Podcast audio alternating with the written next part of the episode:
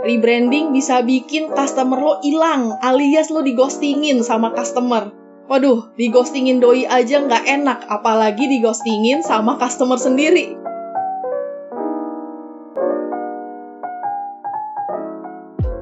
Halo, balik lagi nih bareng gue Raya di ngomongin bisnis by Melon Branding.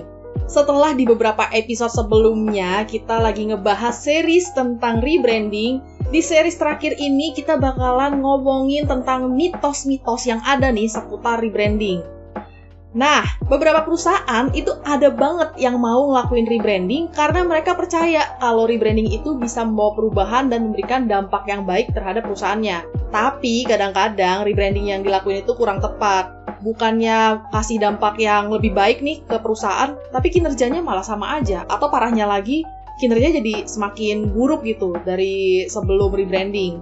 Ada juga perusahaan yang nggak mau atau takut untuk ngelakuin rebranding karena tuh ngerasa kalau misalnya sejauh ini ya udah perusahaannya bisnisnya masih aman-aman aja masih baik-baik aja dan tanpa sadar kinerja perusahaannya itu makin lama jadi makin memburuk jadi ketika penyakitnya itu udah makin kronis lah ya istilahnya mereka baru sadar wah harusnya nih udah ngelakuin rebranding nih dari beberapa waktu yang lalu kayak yang udah dibahas di episode-episode sebelumnya, rebranding itu baik kok. Tapi perlu tahu juga nih, arah rebrandingnya mau ke mana. Nggak mesti kok gonta-ganti semua elemen. Jangan sampai keputusan rebranding itu membuat perusahaan lo krisis identitas atau nggak tahu nih nilai utama yang mau ditawarin ke konsumen. Walaupun bisa juga nih kejadian kalau perusahaannya itu belum ngelakuin rebranding gitu, tapi udah ada krisis-krisis identitas. Kayak apa ya ngelakuin perubahan-perubahan yang maunya tuh relevan dengan perkembangan zaman tapi nggak pas gitu dengan identitas dari perusahaan. Kan kalau misalnya krisis identitas itu jadi berasa banget nih di konsumennya. Perusahaan ini atau bisnis ini tuh mau arahnya ke mana sih karena masih ada banyak banget kesalahpahaman tentang rebranding mau itu yang kekeh banget untuk ngelakuin rebranding atau yang takut banget untuk ngelakuin rebranding, gue di sini akan maparin beberapa mitos terkait rebranding. Ini ada lima nih yang bakalan gue sebutin mitos-mitos soal rebranding. Mitos yang pertama, rebranding itu mengubah perusahaan dan model bisnisnya secara drastis. Sampai-sampai identitas perusahaannya itu bener-bener beda banget deh dengan yang sebelumnya perubahan ini tuh bikin orang-orang di dalamnya kayak BOD, Board of Director, terus juga di bagian level manajemen dan juga karyawan di setiap levelnya itu ngerasa kurang nyaman karena jauh beda lah dengan budaya perusahaan sebelumnya dan beberapa mungkin ngerasa wah kurang cocok nih sama stylenya mereka gitu. Itu dari sisi di bagian internal perusahaan ya rebranding udah pasti menghadirkan perubahan, tapi perubahan yang diharapkan ya perubahan yang bisa menyelesaikan masalah-masalah yang dihadapi sama perusahaan. Jadi perubahan itu nggak mengganggu identitas utama dari perusahaan, jadi lebih kepada menyelesaikan masalah lah gitu. Bahkan nih ya, bisa jadi rebranding itu bisa bikin perusahaan kembali ke inti utama identitas mereka pada saat baru berdiri. Karena kan banyak kan yang kayak tadi udah sempat gue bilang, perusahaan-perusahaan tuh terjadi atau mengalami perubahan secara pelan-pelan yang tujuannya supaya lebih relevan sama perkembangan zaman dengan dengan juga permintaan konsumen, tapi malah menjauhkan diri nih dari identitas utamanya. Mitos yang kedua, buat beberapa orang nih yang takut banget atau nggak mau ngelakuin rebranding, rebranding itu dianggap nggak relevan. Menurut mereka, barang yang dijual ke masyarakat itu udah cukup kok merepresentasikan bisnis mereka, apalagi yang barang yang dijual tuh cukup niche ya, maksudnya cukup sangat spesifik gitu mau dijualnya ke siapa. Tapi gini deh, gue coba ajak mikir gitu, coba diinget-inget lagi, apa sih yang bikin orang-orang tuh mau tuh pakai barang atau jasa dari bisnis yang lo buat gitu? Apa mereka bener-bener cuma pakai barang atau jasa yang kalian jual? Nah, kalau kayak gitu, bedanya apa nih dengan kompetitor yang menjual hal yang sama dengan bisnis lo? Itu kenapa penting banget aktivitas branding dan rebranding itu sendiri karena memasukkan nilai-nilai dalam aktivitas bisnis jadi nggak cuma sekedar jualan barang gitu dan nilai-nilai itu yang bikin bisnis lo jadi beda dengan bisnis-bisnis yang lain dengan kompetitor lo yang lain yang menjual barang atau jasa yang sama gue kasih contoh deh contohnya tuh lo jualan hijab dan gamis gitu. Ya semua orang juga bisa jualan hijab sama gamis kan. Spesifik banget lagi untuk orang-orang atau cewek-cewek yang berhijab gitu kan. Tapi di sini ketika lo jualan hijab dan gamis, lo punya misi untuk mengangkat kepercayaan diri perempuan-perempuan berhijab dengan hijab dan aksesoris yang lo jual gitu. Karena value itu, lo dan seluruh karyawan akan berusaha dengan keras gimana caranya membuat pelanggan-pelanggan lo ini tuh bisa merasa percaya diri dengan barang-barang yang lo jual gitu. Mungkin ada hijab, baju, aksesoris yang syari gitu. Jadi mereka kayak bakalan balik lagi lah dan mereka percaya dengan value itu. Apalagi nih ya, kalau misalnya mereka pakai gitu kan jadi campaign tersendiri lah yang mereka bisa sebarin. Nah, sekarang nih mitos yang ketiga juga ada nih. Rebranding bisa bikin customer lo hilang, alias lo digostingin sama customer. Waduh, digostingin doi aja nggak enak, apalagi digostingin sama customer sendiri.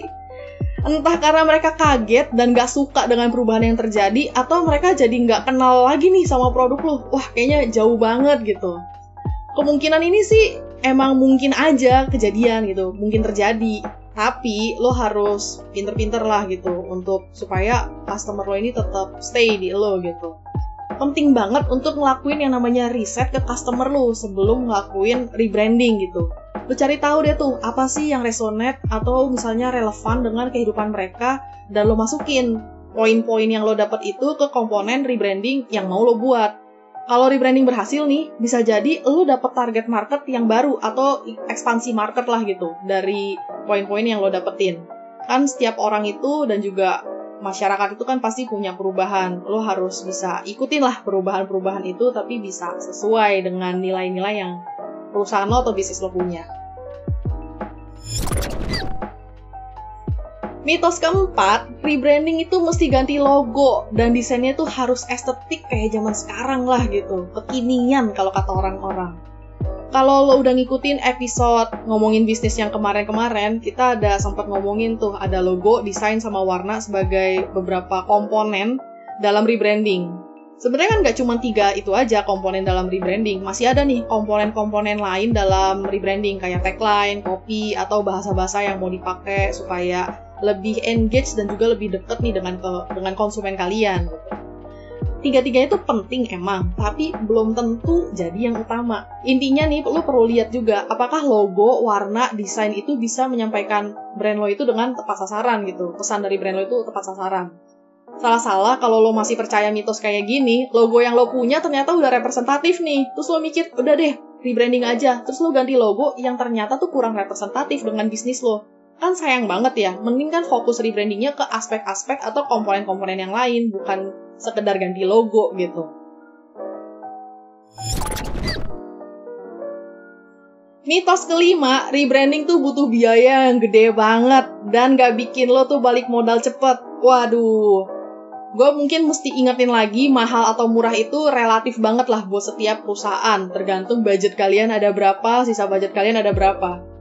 Lagian juga, komponen modal dalam rebranding itu nggak cuma ngomongin biaya secara angka keuangan, tapi juga ada ide, waktu, dan tenaga sebagai modal yang besar juga nih untuk ngelakuin rebranding. Lo juga bisa kok ngelakuin rebranding dengan biaya yang lebih affordable, yang lebih sesuai lah dengan budget bisnis lo, budget perusahaan gitu.